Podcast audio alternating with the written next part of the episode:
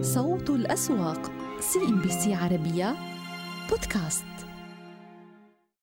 أسعد الله أوقاتكم بكل الخير مشاهدينا وأهلا بكم إلى مسار السوق. أنا مي بن خضراء ونبدأ بجولة حول أبرز العناوين.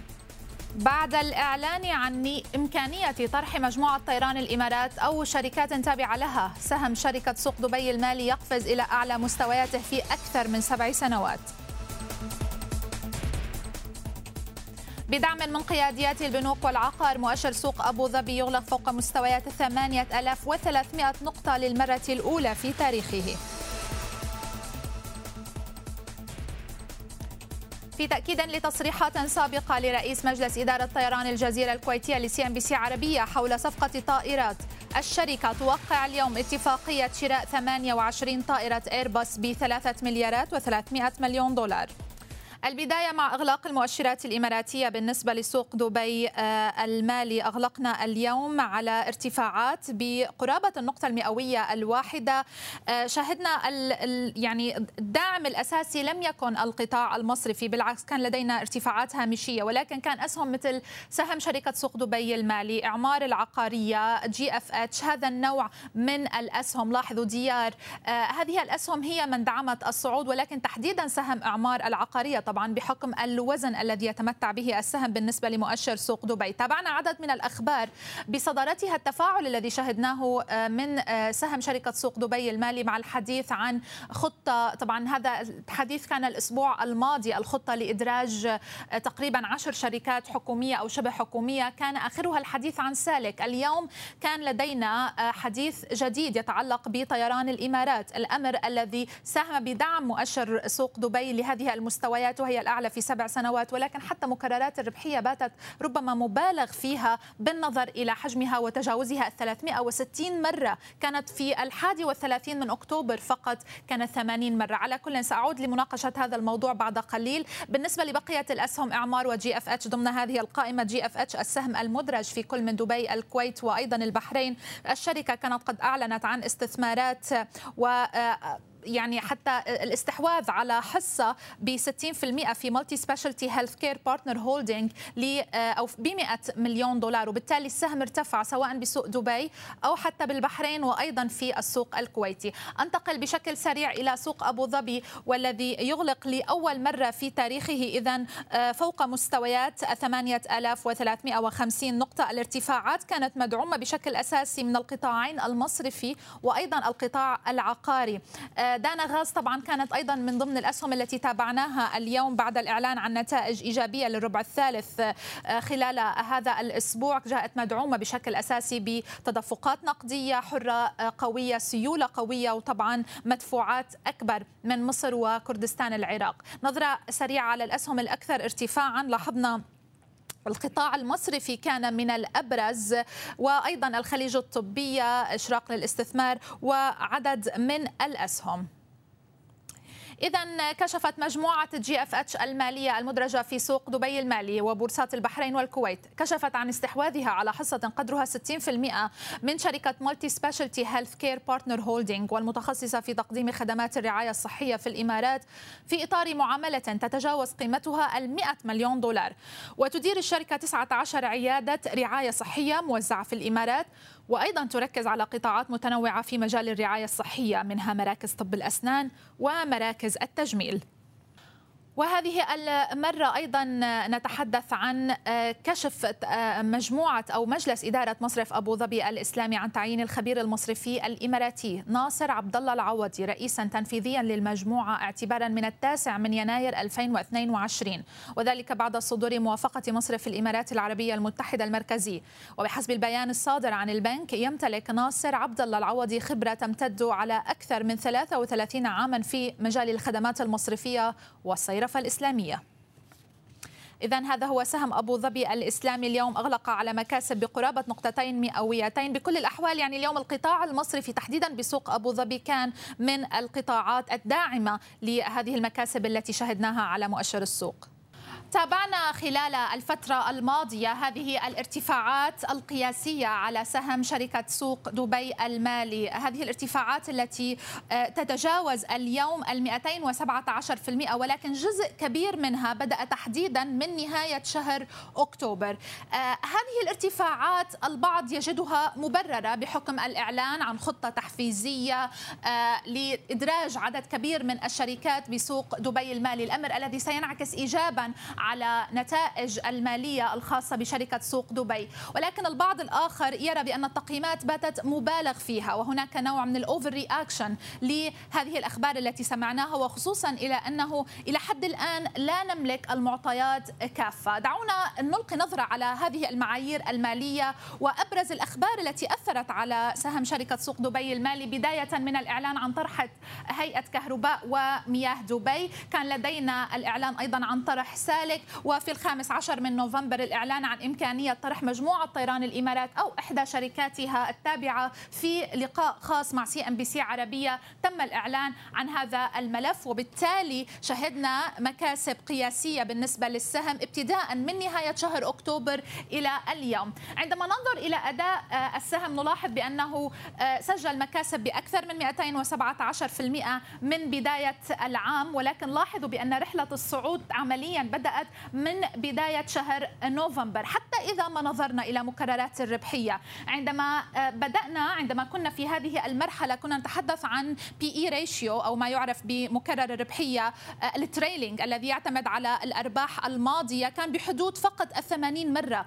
اليوم يصل لأكثر من 367 مرة. هذا يعني بأن المستثمر يسعر نمو الأرباح بشكل سريع بالنسبة للفترة القادمة بالنسبة لسهم الشركة لأنه حتى إذا ما نظرنا إلى ال forward P/E أو مكرر الربحية المستقبلي نجده عند فقط 148% وهو أقل من الماضي أو ال trailing وهذا يعني بأن هناك تسعير لنمو سريع بالأرباح. ولكن السؤال هل هو مبرر؟ هل بالفعل سنشهد هذا هذه الربحية تنعكس على النتائج المالية لشركة سوق دبي المالي خلال الفترة القادمة حتى تبرر هذه الارتفاعات التي شهدناها بالسهم؟ وخصوصا بأنه كما تحدثنا وصل لأعلى مستويات في سبع سنوات بمكررات ربحية تعتبر مرتفعة جدا مرتفعة على أكثر من صعيد. بداية يعني هنا ننظر إلى ال P/E أو ال price لل earnings ولكن حتى إذا ما نظرنا إلى مكررات أخرى مثل ال price to book أو الذي يقارن سعر السهم اليوم بالقيمة الدفترية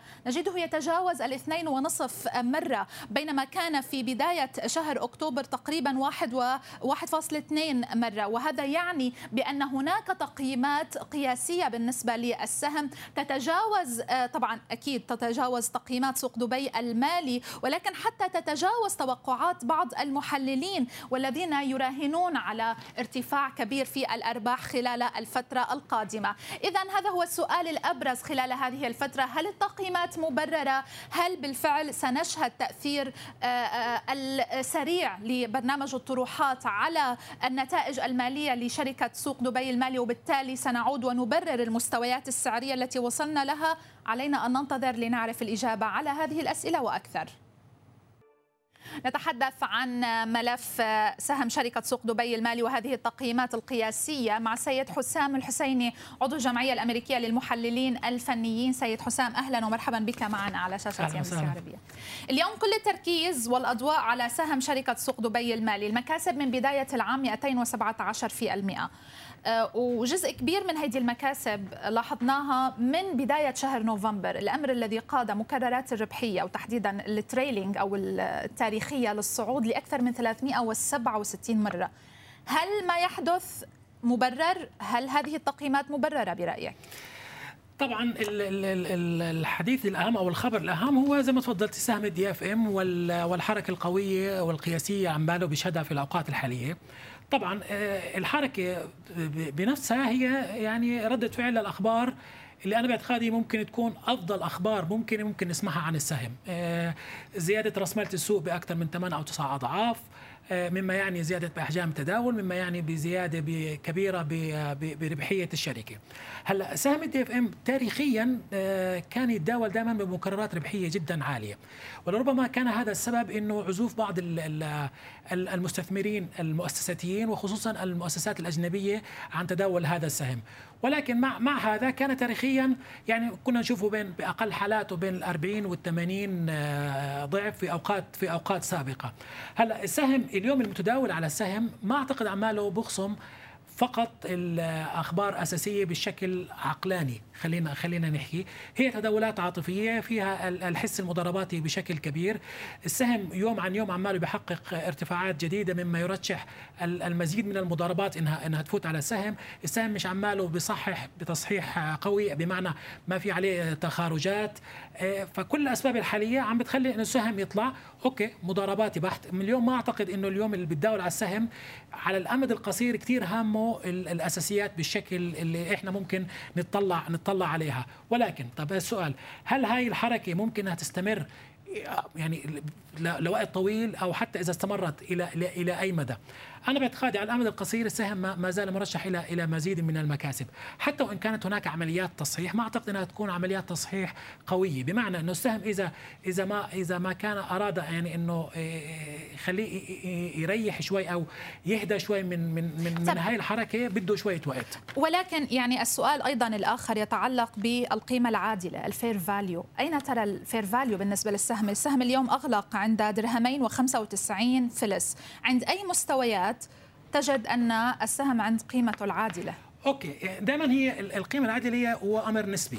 يعني ممكن أطلع عليها بشكل تطلع عليها بشكل المستثمرين الآخرين يطلعوا عليها بشكل. ولكن إذا ما رجعنا لاساسيات التقييم. عم نحكي عن مدرستين. سواء نقيم بالتدفقات النقدية المستقبلية وخصمها أو نسعر مقارنة بأسعار السوق. خلينا نحكي بالأسهل التسعيري. تسعيره السوق. اليوم السوق خلينا نحكي مع مع حالة الانتعاش الحالية والمستقبلية. خلينا نحكي اليوم السوق عم متداول على مكررات بشكل عام 2022 خلينا نحكي هاي الأسهم نتعامل معها إنه أسهم growth ممكن تطلع شوية 25 30 هيدا السقف. خلينا نعتبر إنه هيدا ال ceiling بالنسبة بالزبط. لمكررات طبعا إحنا السوق ما بيمشي عليها يعني طبعا بحذافيرها خصوصا بأسواق دبي بأسواق أسواق المنطقة بشكل عام اللي تمتاز التداولات العاطفية تداولات الأفراد اللي بيكون فيها مبالغة بعض الأوقات. إذا ما افترضنا إنه السهم المفروض يكون القيمة التسعير العادل له بحدود ال 25 إلى 30 عمالنا بنحكي مع توقعات إنه راح يكون هناك إدراج بتسع عشر شركات. هاي العشر شركات خلينا نحكي راح ترفع ربحية السهم بعشر أضعاف قيمته قيمته الحالية. فبالتالي عمالنا بنحكي بأسعار المفروض إنه السوق يتداول عليها سعر سهم ال DFM لا تتجاوز الدرهمين درهمين 20 فلس. وهو يعني إنه كتسعير لأفضل حالات ممكنة للسوق. لأفضل السيناريوهات لأفضل والنتائج المتوقعة من الطروحات مقارنة بباقي كيف السوق عماله بسعر الأسهم الثانية. فلو زي ما زي ما حكيت لك ف فبالتالي هاي الأسعار شوي مبالغ فيها ولكن اليوم المضارب لتداولاته في يوم غد ويوم بعد غد عماله. في عندنا مضاربين كثير آه، ما استفادوا من الحركه فبالتالي بدهم آه، لازم يفوتوا يعني بيحاولوا إنه يضاربوا على السهم. في عندك مضاربين أو أو متداولين تخارجوا من السهم في أوقات سابقة. فبالتالي أعتقد هاي الحركة الدوران السريع لحركه المضاربات سوف تستمر. سوف سوف تستمر بالحركة القوية لهذه المضاربات إلى انه السوق نفسه نشوفه يهدى يعني يوم عن يوم نشوف السهم بطل يسكر آه، على على الليمت أب. نشوف السوق بطل طيب. قادر وهذا بده بده وقت باعتقادي الشخصي. طيب. اليوم السيولة بسوق دبي المالي مليار و300 مليون درهم. هذه مستويات لم نعتد عليها سابقا. بدأنا نشهدها عمليا من أول نوفمبر من وقت الإعلان عن برنامج الطروحات آه، آه، وبرنامج التحفيز وكل ما إلى ذلك. السوق ذكرت بأنه عم بيتداول عند مكررات ربحية بالنسبة للأسهم آه، أسهم النمو بتقريبا 20 مرة. مؤشر كمؤشر عم بيتداول عند 15 15 مرة. هل ترى بأن جزء كبير من الأخبار الإيجابية المتعلقة ببرنامج الطروحات سعر بالسوق؟ إيه نعم إذا إذا ما قرأناها أو إذا ما أخذناها كمبرر للحركة أنا باعتقادي آه إنه السهم زي زي سهم ال DFM الحركة اللي شفناها. الحالة الإيجابية اللي خلقها حركة السهم بكسرة الجمود. إحنا دائما متعودين على سوق دبي إنه من أكثر الأسهم من أكثر الأسواق نشاطا ومن أكثر الأسواق تذبذبا. بالفترة الأخيرة آه، آه، ما شفنا هذا الكلام للأسف. اليوم السوق العمال بيعملوا عماله بيرجع إلى حالته إلى حالته السابقة. فبالتالي عمالنا بنشوف في في آه، ارتفاع واضح وكبير بشهية المخاطرة لدى المتعاملين. هذا الارتفاع الكبير عمالنا بنشوفه يترجم على الأسهم الصغيرة بالمضاربات القوية اللي عمالنا بنشوفها. ما ننسى برضه إنه السوق ك ك كأساسيات ما زال يعني أداؤه lagging بشكل مت يعني متأخر عن أداء الأسواق المنطقة بشكل كبير. فهناك يعني في في catch up story لساتها موجودة بالسوق في مجال للمزيد من الارتفاعات قبل أن نصل لمستويات وهذه الارتفاعات باعتقادي مبررة لأنه النتائج اللي عمالنا بنشوفها وتوقعات النتائج المستقبلية مع مقارنة بالأسعار الحالية باعتقادي إنه سوق يعني كثير مظلوم يعني في كثير أسهم خصوصا نعم. الأسهم القيادية مظلومة نسبيا في سوق دبي. ننتقل للحديث على مؤشر سوق أبو ظبي اليوم السيولة آه، مليارين مليارين و145 آه، مليون درهم. والمؤشر أغلق لأول مرة فوق مستويات قياسية. آه، يعني نتحدث عن مستويات الثلاثة آلاف و تحديدا 3350 نقطة. ما رأيك برحلة الصعود التي شهدناها بالنسبة لمؤشر سوق أبو ظبي والتي إلى حد كبير أيضا كانت مدعومة ببرنامج الطروحات وكل الطروحات الأولية اللي شهدناها؟ صحيح هلا لربما إذا ما أخذنا حركة أسواق المنطقة بالفترة الأخيرة نعم كان هناك انتعاش واضح بسبب ما يحدث بالاقتصاد العالمي الفتح الاقتصادات توقعات الأرباح والانتعاش وإلى آخره من الأسباب الأخيرة. هلا كل سوق تقريبا في المنطقة كان هناك ميزة خاصة محلية موجودة فيه أدت إلى إلى حركته بشكل كبير. فمثلا في سوق أبو ظبي الجميع يعلم السيوله السيادية والأخبار المتعلقة برسملة السوق والنظره المستقبليه إلى السوق وعملية الاندماجات وإلى آخره وما وما آه، رافقها من سيولة كبيرة تدخل السوق. السعودية الكثير من من القوانين الجديدة بما يخص خصوصا القطاع العقاري واستفادة البنوك منها. آه، بالكويت كان في عندنا أخبار محلية لربما كان الشيء الوحيد السوق الوحيد اللي يفقد هاي الميزة كان سوق دبي. صح. وبالتالي كان مبرر آه، هذا التأخر الكبير اللي شفناه اليوم مع هاي الأخبار الأخبار السوق لازم يستفيد منها. بنفس الوقت السوق السوق سوق دبي لازم إنه يحاكي المستويات الأسواق الثانية فهذا هذا شيء إيجابي. في سوق أبو ظبي شفنا جميع هاي الأخبار السيادية اللي حكينا عنها ولكن برضه كان هناك أرباح قوية آه، ونوعية في الأسهم القيادية ذات الوزن الكبير المصارف. عم نحكي عن المصارف بشكل كبير ويعني أرباح صحية يعني كانت. وحتى مستقبل مستقبل هذه الأرباح على الأمد المتوسط ما زالت متفائلة. فبالتالي حتى الأسعار الحالية لبعض الاسهم أسهم المصارف الكبيرة برايي الشخصي لساتها ما زالت مرشحة إلى مزيد من من الارتفاعات. اذا إذا ما احتسبنا الارباح الأرباح المتوقعة وحتى التوزيعات المتوقعة بالنسبة للمصارف. الأسهم الثقيلة الأخرى سهم اتصالات آه، آه، العالمية القابضة. فحركة الأسهم القديمة في سوق أبو ظبي ما زالت ما زالت إيجابية وما زالت تدعم وتبرر المستويات الحالية للسوق واللي أنا برأيي الشخصي ما زالت مرشحة إلى مزيد من المكاسب. ما بنستبعد نشوف نشوف مستويات آه، زي مستويات ال 8600 أو حتى مستويات ال 8800 على الأمد القصير والمتوسط. شكرا جزيلا لك السيد حسام الحسيني عضو الجمعيه الأمريكية للمحللين الفنيين، شكرا جزيلا. نذكركم بإغلاقات بعض المؤشرات الخليجية لهذه الجلسة. بورصة مسقط أغلقت على ارتفاعات طفيفة جدا فوق مستويات الأربعة آلاف نقطة. نظرة سريعة على الأسهم الأكثر نشاطا مع العلم بأن القطاع الخدمي اليوم ضغط بعض الشيء على السوق وهذه هي أسهم الأكثر نشاطا لجلسة اليوم. في السوق البحريني كان لدينا مكاسب بقرابة ثلاثة أعشار النقطة المئوية. الخبر الأبرز اليوم بينما نلقي نظرة على قائمة الأكثر نشاطا هو خبر جي اف اتش بحكم أن أسهم الشركة مدرجة بالبحرين بالكويت وأيضا بسوق دبي المالي. الشركة أعلنت عن استحواذها على حصة 60% في شركة مالتي سبيشاليتي هيلث كير بارتنر هولدينج وهي المتخصصة في تقديم خدمات الرعاية الصحية في الإمارات.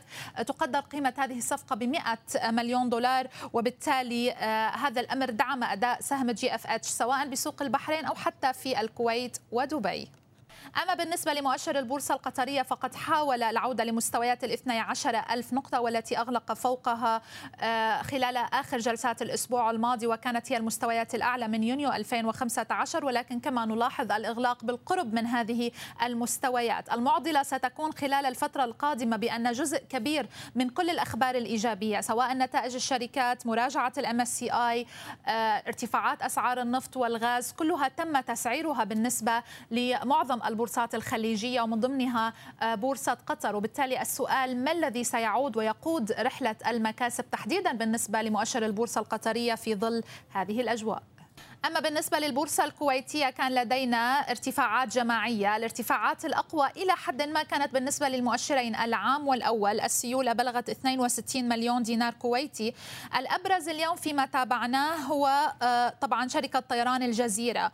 آه، في لقاء مع CNBC عربية سابق كان قد آه، تحدث الرئيس التنفيذي وهذا اللقاء إذا على شاشة CNBC عربية. كان قد تحدث رئيس مجلس مجلس الإدارة بأنه هناك خطة لشراء تقريبا 30 طائرة من آه، شركة إيرباص هذه الأخبار تم تأكيدها اليوم حيث وقعت الشركة على آه، صفقة الشراء 28 طائرة إيرباص على هامش معرض دبي للطيران. السهم لم نشهد منه الكثير من التفاعل. شهدنا نوعا من الاستقرار بالنسبة للسهم ولكن طبعا الأخبار تعتبر إيجابية وخصوصا بأن الشركة كانت قد تحولت للربحية في الربع الثالث من هذا العام حاليا جاري التفاوض مع المصنعين سواء الإيرباص أو البوينغ لشراء 30 طائرة لطيران الجزيرة، جزء منها راح يستبدل الاسطول الحالي والجزء الثاني راح يكون للتوسع. إحنا نامل إن شاء الله أن يوصل اسطولنا إلى حوالي 30 طائرة في نهاية في سنة 2026 فمعناته إن نحتاج إن إحنا نجدد بعض الأسطول الحالي ونضيف كذلك السعات مع ارتفاع وتوسع السوق. ونهاية مسار السوق. يمكنكم الآن الاستماع لإغلاقات الأسواق العربية يوميا على بودكاست CNBC عربية ضمن برنامج صوت الأسواق. تابعونا على Apple Podcast و Google Podcast Spotify وأيضا Deezer شكرا لكم على حسن المتابعة وإلى اللقاء. صوت الأسواق CNBC عربية بودكاست. أهلا بكم من جديد. مع انتهاء فترة المزاد تحول القطاع البنكي لبعض المكاسب الطفيفة بالسوق السعودي لأقل من 20 نقطة المئوية وقلص معها السوق الرئيسي طبعا من تراجعاته لتبقى فقط بحدود أقل من 20 نقطة المئوية واستعاد 11827 نقطة. تلقى أيضا اليوم السوق بعض الضغط من قطاع المواد الأساسية الذي تراجع بحدود الواحد أو نصف النقطة المئوية مع نهاية هذه الجلسة. رأينا السلع الرأسمالية التأمينية عم بيعمق من تراجعاته اليوم ب 2 في المئة. التأمين بعض المكاسب اتجهت لبعض الأسهم بحدود 16 النقطة المئوية. ولاحظنا آه، طبعا الاستثمار والتمويل ما زال ضاغط بواحد ونصف النقطة المئوية.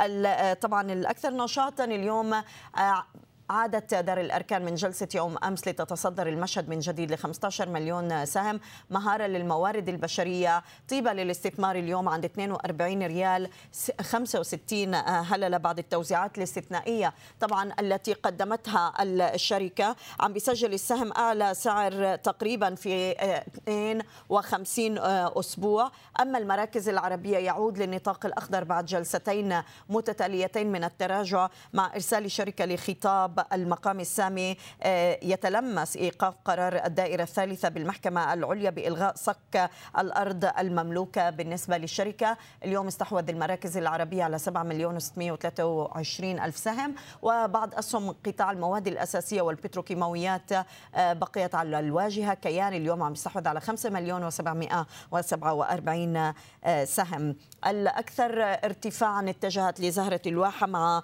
طبعا توصية بزيادة رأس مال الشركة الشركة 50% عن طريق توزيع أسهم منحة وأرباح نقدية آه، قدمتها الشركة 15% عن عام 2015 آه، السهم اليوم عم بيقفز ل 10 في المئة آه، وطيبة للاستثمار مهارة للموارد البشرية أكوا باور عم بيضيف 3% لمستويات 73 50 وبوبا العربية ضمن قطاع التأمين عم بيضيف 3% من هذه الارتفاعات.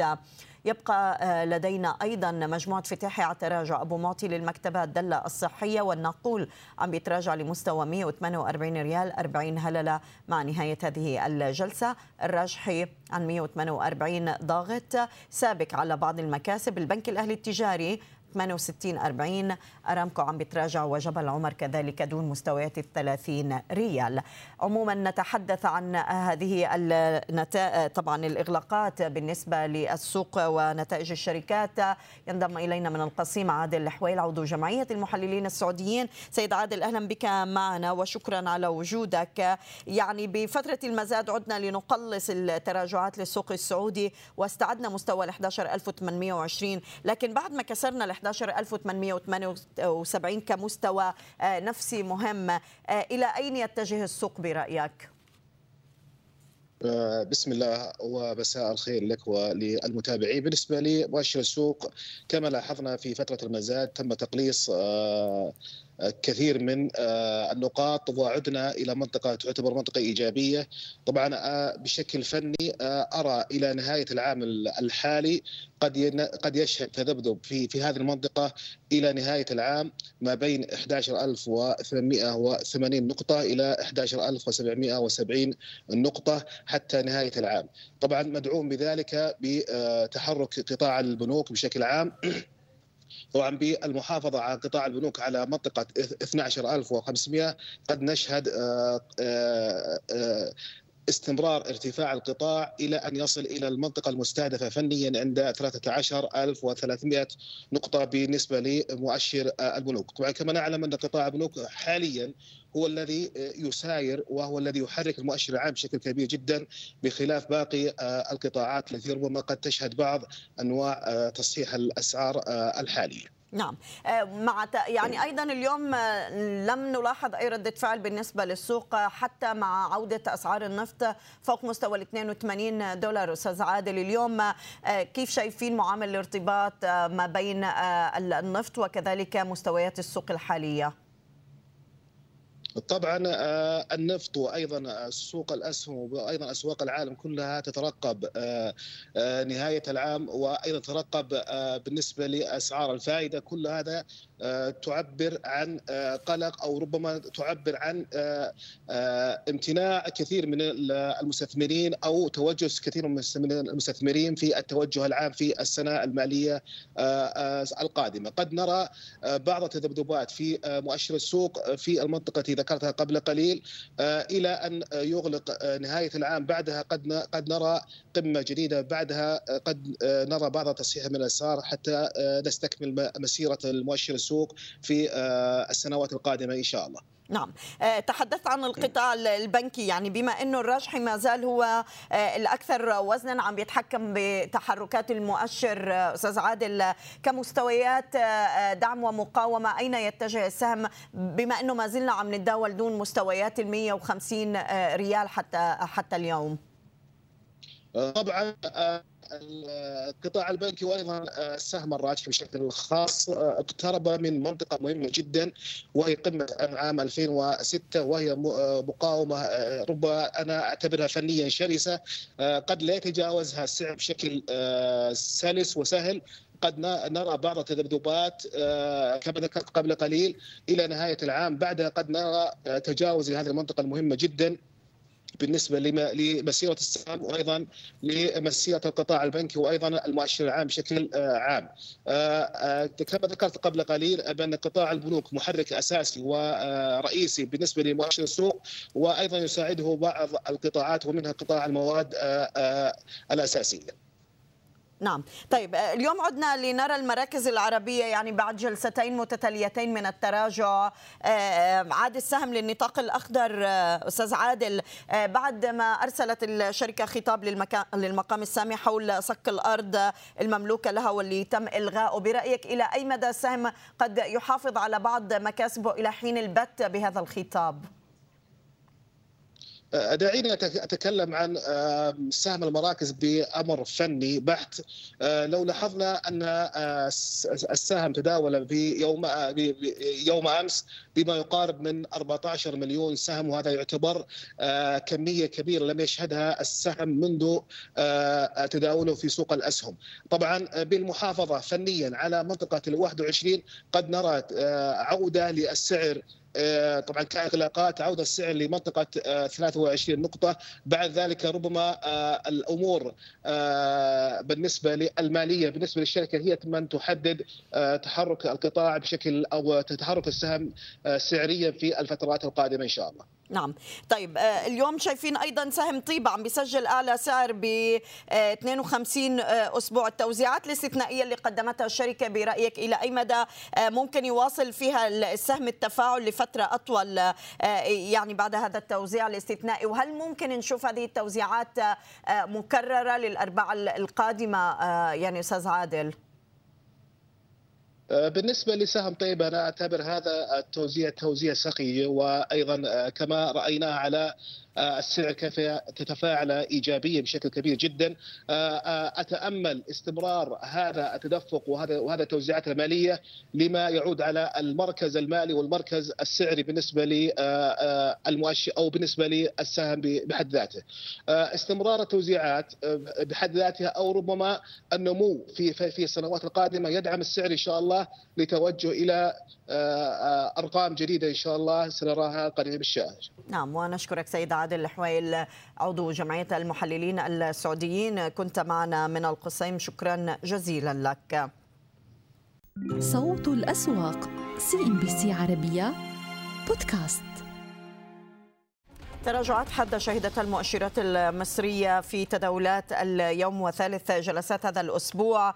وتخلى كان فيها المؤشر عن مستويات مئوية مهمة قبل أن يعاود طبعا تقليص هذه التراجعات في دقائق قليلة قبل الإغلاق واسترد 11413 نقطة بقيت بحدود 17 نقطة المئوية. لكن أسهم المضاربية اليوم عمقت أيضا من خسائرها بأكثر من 4 و16 نقطة المئوية ل 2031 وال100 خسر أكثر من 3 نقطة المئوية. تنازل عن مستويات 3000 نقطة مع نهاية هذه الجلسة القياديات حافظ فيها التجاري الدولي رغم هذا التراجع اليوم على 53 جنيه كاسبا نصف النقطة المئوية. تراجعات على المصرية للاتصالات عامر جروب عم بيواصل الخسارة ب 3% لمستويات الجنيه والنساجون الشرقيون عم بيصعد ب 8 أعشار أما أعمار مصر عم بيستقر عند 52 وبقي هناك تحركات على الأسهم العقارية للسودك اليوم عم بيخسر أكثر من 1% عند 17.80 طلعت مصطفى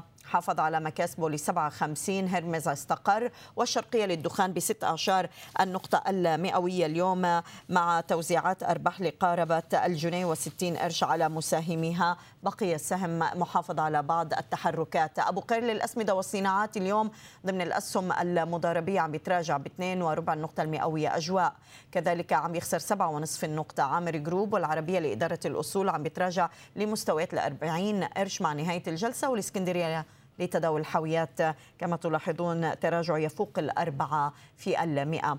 رغم ذلك يعني السوق آه، مع نتائج الأعمال لم يتفاعل بشكل جيد حتى أسهم الشركات اللي عم تعلن خلال هذه المرحلة وبعضها عم بيحقق بعض الارتفاعات.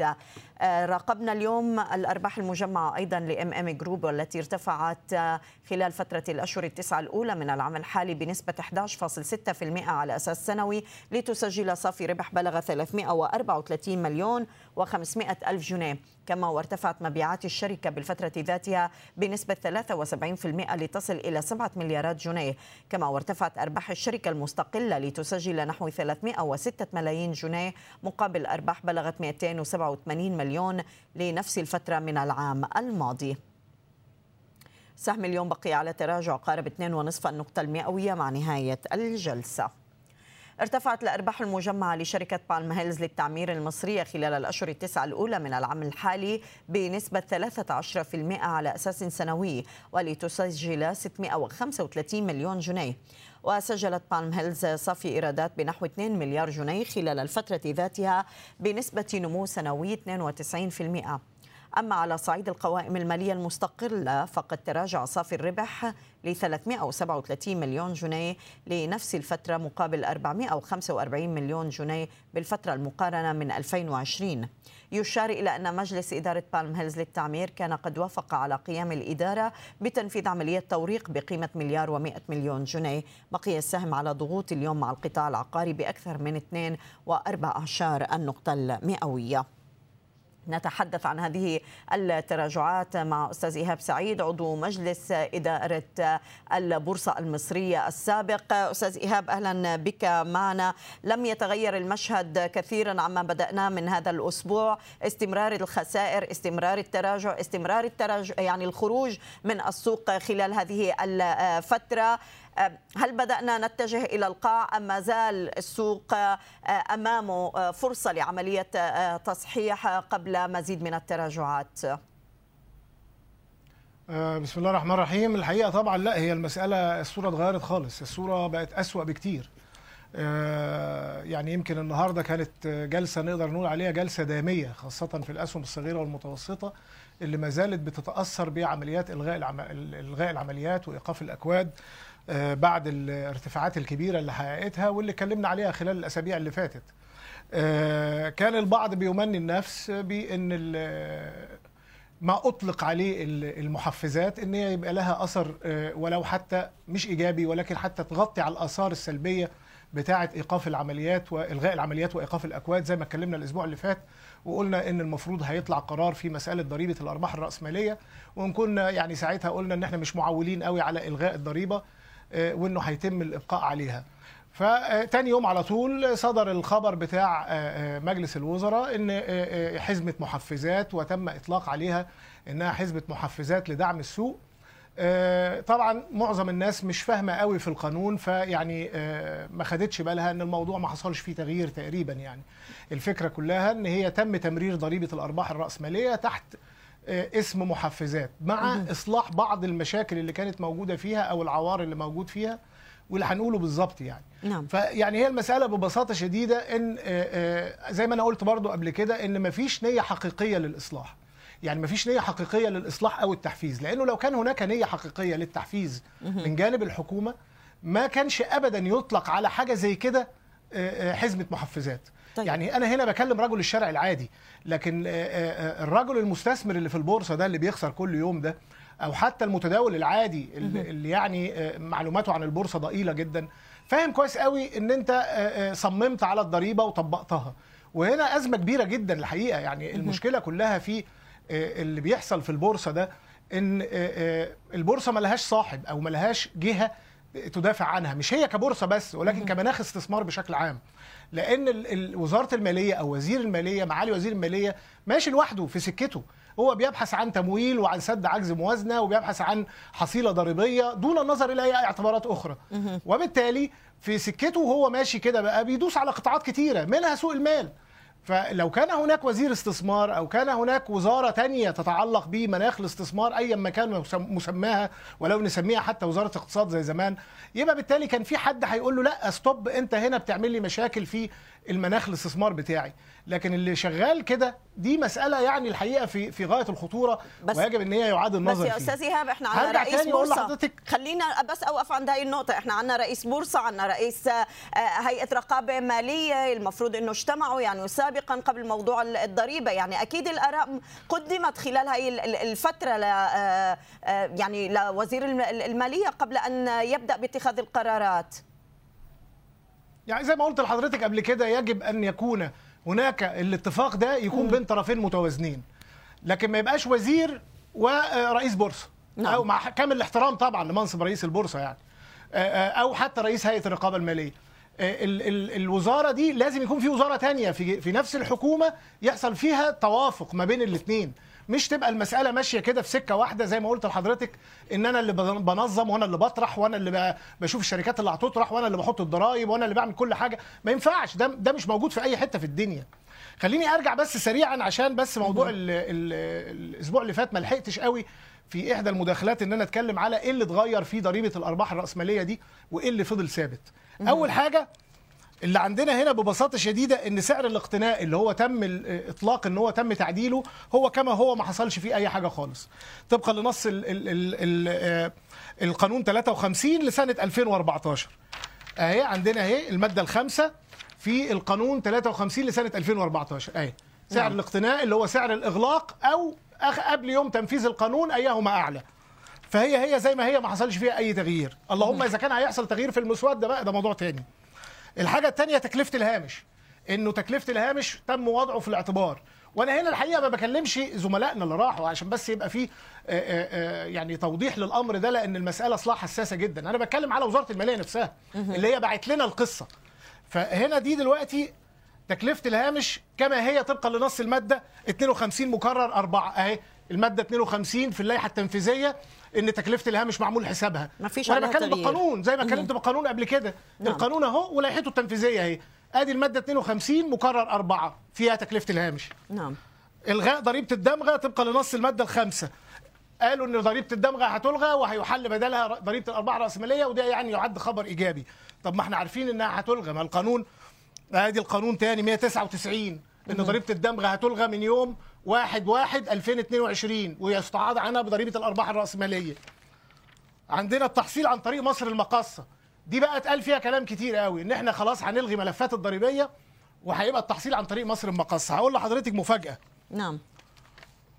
عندنا هنا في المادة 77 المادة 77 مكرر من اللائحة التنفيذية لقانون 53 اللي هو بتاع سنة 2014 ال- ال- اللائحة التنفيذية دي رقمها 172 عشان اللي عايز يعمل سيرش عليها. نعم. لسنة 2015 بتقول إن التحصيل يتم عن طريق مصر المقاصة. يعني الموضوع أصلا موجود. نعم. فأدي الأربع حاجات اللي هم وزارة المالية بعت لنا بيهم الضريبة. موجودين أصلا في القانون ما حصلش فيهم أي تغيير. طب إيه الإضافة الجديدة اللي حصلت؟ اللهم بس هي حاجة واحدة بس اللي هي تكلفة الفرصة البديلة. أي حاجة تانية مش ما لا علاقة للمستثمر بيها خالص سواء بقى صناديق الاستثمار الاكتتابات مبادلة الأسهم كل دي حاجات مل- ملهاش علاقة ب 70 80% من المتعاملين في السوق تمام. اللي ليها بس علاقة شوية هي موضوع آه، تكلفة الفرصة البديلة لو بالفعل تم تطبيقه زي ما اتقال آه، آه، وهنشوف في المسوده في نهاية ال- ال- العام الحالي طيب خليني الحاجة الأخيرة اللي أنا. عايز أقولها بس عشان الناس بتقول إن آه، يعني في ثانية واحدة إن موضوع إن ال- ال- الضريبة كده يعني خلاص بقت ما فيهاش مشاكل والموضوع بتاعها خلص وبالتالي آه، آه، مش مؤثرة قوي. لا هي مؤثرة قوي. ليه مش مؤثرة؟ مش عشان بس فتح ملفات ضريبية. علشان ببساطة شديدة أنا النهارده كمستثمر داخل اكتتاب جديد خالص ما أعرفش حاجة عن البورصة. وجيت حطيت مليون جنيه في اكتتاب حكومي كسبت فيهم 100000 جنيه بعته وخرجت. وفرحت بال 100000 جنيه ورحت اشتريت بيهم عربية. أجي بعد سنة الاقي جاي لي اختار من وزارة المالية يقول لي عليك 10000 جنيه ضريبة. تعال ادفعهم. 10000 إيه؟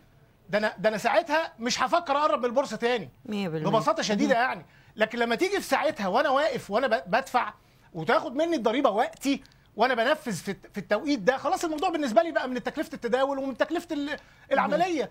فبالتالي هنا هتبقى مشكلة فيما بعد. الله طب ليه وزارة المالية عايزة تعمل كده؟ ليه مصره على تطبيق ضريبة الأرباح الرأسمالية؟ عشان هي ببساطة شديدة عايزة تكشف المجتمع الضريبي بشكل أكبر. يعني عايزة تخضع من لا يخضع. يعني الاقتصاد غير الرسمي. إن أنا ما ألاقيش مثلا طبيب أو دكتور بيعمل لي إقرار ضريبي في نهاية السنة ب 5000 جنيه وفجاه إن عنده محفظة ب 50 مليون جنيه في البورصة. تمام. أو إن هو بيعمل تداولات ب 50 مليون جنيه في السنة. فبالتالي أنا أقدر أشوف الراجل ده. طب هيبقى إيه نتيجة ده؟ إن الراجل ده مش هيتعامل في البورصة. تمام. وإن الناس اللي زي دي هتخرج من البورصة. طيب. بس أستاذ إيهاب آه، آه، بس آه، سؤال أخير. يعني قراءة. الصناديق اللي عم تستثمر اليوم بالسوق لكل هذه القرارات اللي صدرت من مجلس الوزراء هل عم تقرأ بنفس الطريقة اللي أنت شرحتها للمستثمر الفرد؟ يعني كيف نظرة الصناديق اليوم لهذه الإصلاحات؟ هل هي عم تختلف اليوم عن نظرة ال- ال- الأفراد الداخلين للسوق؟